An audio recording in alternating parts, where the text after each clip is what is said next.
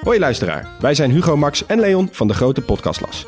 Wij zijn drie geografen en elke week behandelen wij een ander land. We bespreken onder andere de geschiedenis, politiek, natuur, maar ook de sport, de muziek en natuurlijk het eten. De nijlpaarden van Pablo Escobar, de vele bunkers van Albanië en het verschil tussen een sheik en een emir zijn zomaar wat voorbeelden die langskomen. Maar we bespreken ook de geopolitieke invloed van China in Afrika en de impact van het Europese kolonialisme. Luister dus wekelijks naar de audioversie van de Atlas, de Grote Podcastlas.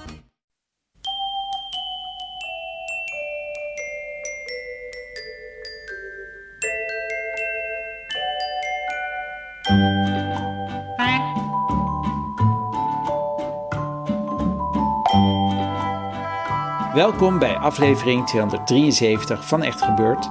De podcast waarin waargebeurde verhalen worden verteld door de mensen die ze zelf hebben meegemaakt. In deze aflevering een verhaal dat Rosa van Toledo in maart 2018 vertelde tijdens een verhalenmiddag rond het thema geweld.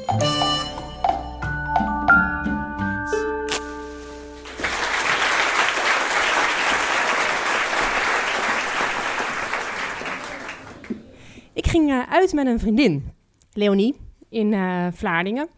Ik was 16 en eh, we gingen naar de Villa.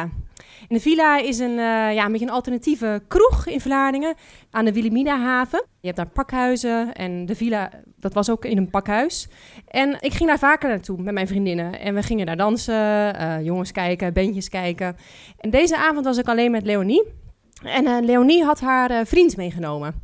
Die vriend, eh, die heette Arno, eh, die had heel lang eh, donker zwart haar. Leonie was ook een beetje metal en ik was een beetje alternatief. En Arno, die had ook al zijn vrienden meegenomen. Ook allemaal metal dudes. Fabian met lange blonde haren. Niels, ook lang, lang met je grijs blond haar. Robert met een kale kop.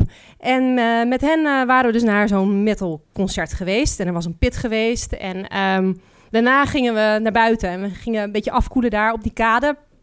En het was, eh, we waren niet de enige. Er waren meer eh, mensen uit de, de villa. Punkers, eh, nog meer andere metal dudes. Het was helemaal een stoere bende. En we stonden daar een beetje te praten. En de mensen waren ook een beetje baldadig van die pit. Er werd een beetje met bier gegooid. En mensen gingen een beetje elkaar met elkaar stoeien. En op een gegeven moment komt er een auto aangereden. Die auto rijdt langs ons. En op dat moment gooit er iemand, ik weet niet wie, een bierflesje. En dat bierflesje komt pats vlak bij die auto terecht. En eh, we hoorden allemaal zo oeh. Maar die auto die eh, reed door en nou ja, prima. Dus eh, wij gingen weer gewoon verder in gesprek. En op een gegeven moment kijk ik opzij.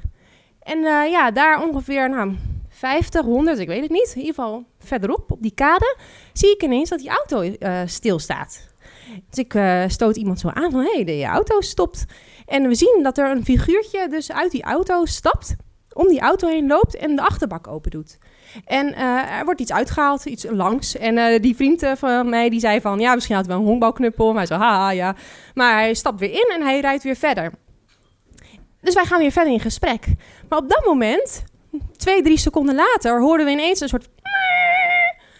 piepende banden. En op, op dat moment komt die auto komt weer met volle vaart op ons afgereden. En voordat we het weten, stapt eh, stopt hij voor onze auto. Het raampje gaat open. En dan wordt een geweer of een shotgun eh, voor ons gehouden. Voor ons metalgroepje. En eh, hij zegt, eh, ja, wie heeft dat gedaan? En op dat moment, ja, iedereen valt stil. En er wordt gemormeld en er wordt iets gezegd van... ja, hij weet het niet of diegene is al weg. Maar ik weet het eigenlijk niet meer. Want op het moment dat hij dat geweer pakt, doe ik iets. Voor mij staat Fabian met zijn lange blonde haar. En ik schuif millimeter voor millimeter achter hem. Ik denk namelijk, als hij schiet, dan schiet hij hem. En dan val ik mee. En dan ben ik eh, ja, niet geraakt. De auto, het raampje gaat weer dicht. En pistool is, of het geweer is weg. En ehm, ze hebben het blijkbaar opgelost. En eh, ieder- de auto rijdt weg. En er wordt nog één keer in de lucht geschoten door, eh, door die vent. En ehm, iedereen is eigenlijk helemaal een soort van eh, extatisch. Oh, oh, oh. Eh, wat heb goed dat je dat gezegd hebt. En eh, ah, dat kan toch niet. Maar ik, ik doe wel mee, ja, ja. Maar ik denk eigenlijk alleen maar van wat ik had gedaan. En eh Leoniek eh, en ik gaan naar huis en we lopen terug naar huis. En Leonie zegt, ja, we moeten dit echt nooit tegen onze ouders vertellen, want dan mogen we nooit meer uit. En eh, ik zo, ja, nee, inderdaad, dat moeten we echt nooit doen. Maar ik zie eigenlijk alleen maar Fabians rug voor me. En het feit dat ik uh, ja, hem had gebruikt als uh, menselijk schild. De volgende keer, de week erna, gaan we gewoon weer naar de villa toe. Uh, we zijn een beetje bang nog, maken grappen. Maar er komt natuurlijk geen vent met een geweer aan. En de week erna weer. En uiteindelijk ja, gingen we er gewoon weer heel natuurlijk naartoe. Alleen dat beeld van mezelf als wegsneakend iemand, dat blijft me achtervolgen ik zie het eigenlijk overal in terug. Dus uh, als ik uh, bijvoorbeeld een film kijk en uh, bijvoorbeeld Jurassic Park, die dikke, zeg maar, die dan in zijn autootje gaat wegsniekt, voor zichzelf kiest. Ja, en die wordt dan opgegeten. En ik denk, ja, dat, dat was ik. En als we met geschiedenislessen krijgen, en we hebben het over de Tweede Wereldoorlog, en mensen worden gemarteld en die dan uiteindelijk hun hele familie verraden, dat ben ik. En uh, als ik een uh, kantartikel lees over um, iemand die dan verdrinkt uh, in het midden van andere mensen in de zee. En mensen staan er gewoon bij te kijken. Ik durf er niks over te zeggen, want ik weet, ja, dat ben ik. Ik kies voor mezelf op dat moment. Ik kies niet voor anderen. Ik kies zelfs mijn, ik gebruik mijn vrienden eigenlijk om mezelf te redden. En ja, daar zijn woorden voor die je daarvoor kan gebruiken. Egoïst, verrader, lafaard. Die jaren daarna denk ik er af en toe nog aan, en, uh, maar ik vergeet het nooit meer. En uh, ongeveer negen jaar later, ik ben inmiddels uh, 25, ik woon in Amsterdam. Ik studeer en ik woon aan de Kloveniersburgwal, naast de filosofiefaculteit waar ik ook studeer. En ik heb een hele mooie kamer. Eh, ik woon met een ander meisje samen, we hebben allebei een eigen kant, zeg maar. En ik woon aan de kant waar dat uitkijkt op de universiteit en het is een soort pleintje. En mijn kamer is opgedeeld in twee delen. Je hebt één slaapgedeelte, er staat een muur tussen. En de andere kant, dus de woonkamer. Dat heeft ook een heel mooi erkertje. En dat kijkt dus uit op dat pleintje. En uh, ik lig daar en uh, midden, ik lig te slapen. En um, op een gegeven moment word ik wakker. En ik word wakker namelijk van een geluid. En dat geluid is een soort uh, gekerm. Nee, nee, nee. En ik weet niet goed wat het is, dus ik pak mijn bril van het nachtkastje en ik zet hem op. Ik uh, doe het raam open en ik kijk ze doorheen uh, vanuit mijn slaapkamer. Maar er staat een hek voor. Omdat mijn slaapkamer, ja, er staat dus een hek voor naar dat pleintje toe. Maar ik kan het niet goed zien, want het is donker. En ik zie dus door, dat, door die spijlen van het hek heen een figuur en iets op de grond. En die, die figuur die staat, die doet iets. Die, die doet iets met zijn armen. En ik hoor nog steeds dat gekerm. Nee, nee, het wordt harder. En ik dacht, er wordt iemand in elkaar geslagen. Er wordt iemand hier voor mijn raam in elkaar geslagen of misschien wel uh, vermoord. En op dat moment weet ik gewoon niet wat ik moet doen. Dit is hier zo'n moment, moment dat, ik, dat ik iets moet doen, maar ik wil het gewoon echt niet. En ik sta op en ik loop naar het lichtknopje en ik druk op het lichtknopje. En ik denk, nou, misschien als hij het licht ziet, dan weet hij dat er iemand wakker is. En ik kijk weer door mijn uh, gordijnen heen. En, uh, maar er is geen verandering. De, het, ook het geluid, het, het gekerm wordt harder. En ik ga om die muur heen naar mijn, uh, mijn erkertje toe. En, maar ik moet mezelf echt, ik moet mezelf toespreken. Kom op je been, naar voren. Je linker, je rechter, doe ze naar voren. Doe ze naar voren. Loop naar dat gordijn toe. En bij dat gordijn moet ik mijn armen toespreken. Rosa, doe je armen omhoog. Doe je armen omhoog. Pak die gordijnen, weet. Trek ze open. Doe het. En op dat moment zie ik dus buiten uh, een man, een andere man in elkaar trappen, slaan. Er is een onwijs gevecht aan de gang. En uh, de man die ziet mij nu. Ik sta in het licht. En we kijken elkaar aan, maar hij is niet onder de indruk. En hij gaat gewoon door.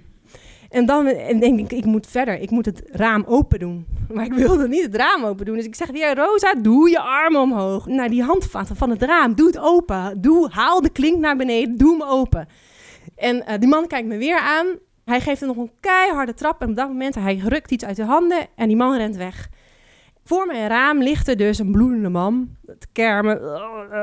En ik klim uit het raam. Ik pak die man op en ik trek hem mee het uh, erkertje over in mijn raam. En ik gooi hem naar binnen en ik doe de, ramen dicht, gordijn dicht. En ik dacht, ja, misschien komt hij wel terug. Ik weet het niet.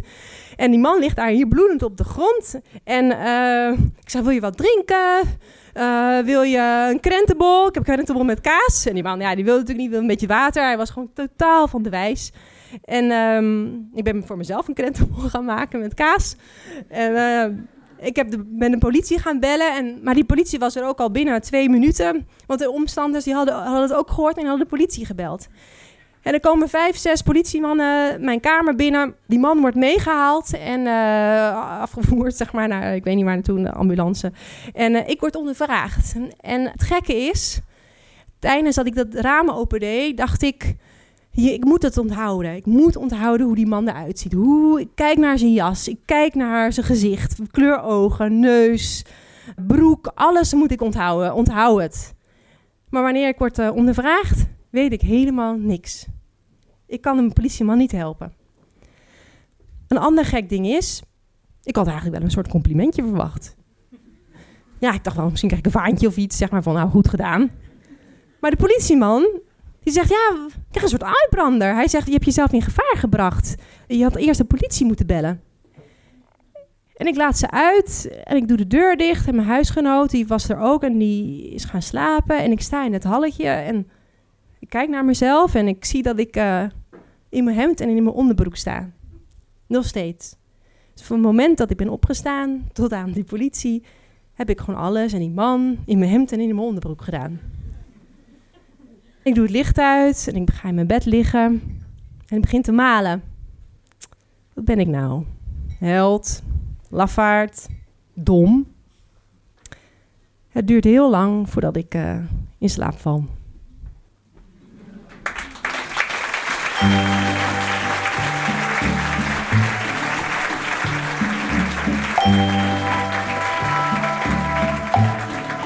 Dat was een verhaal van Rosa van Toledo. Rosa is een van de redacteuren van Echt Gebeurd, wat betekent dat zij vertellers zoekt, vindt en begeleidt. Dat begeleiden deed Rosa ook bij de bijzonder fijne podcast Kan je even langskomen. Een bijzonder en eerlijk verhaal in 14 korte afleveringen waar ik met veel plezier naar heb geluisterd. Kan je even langskomen.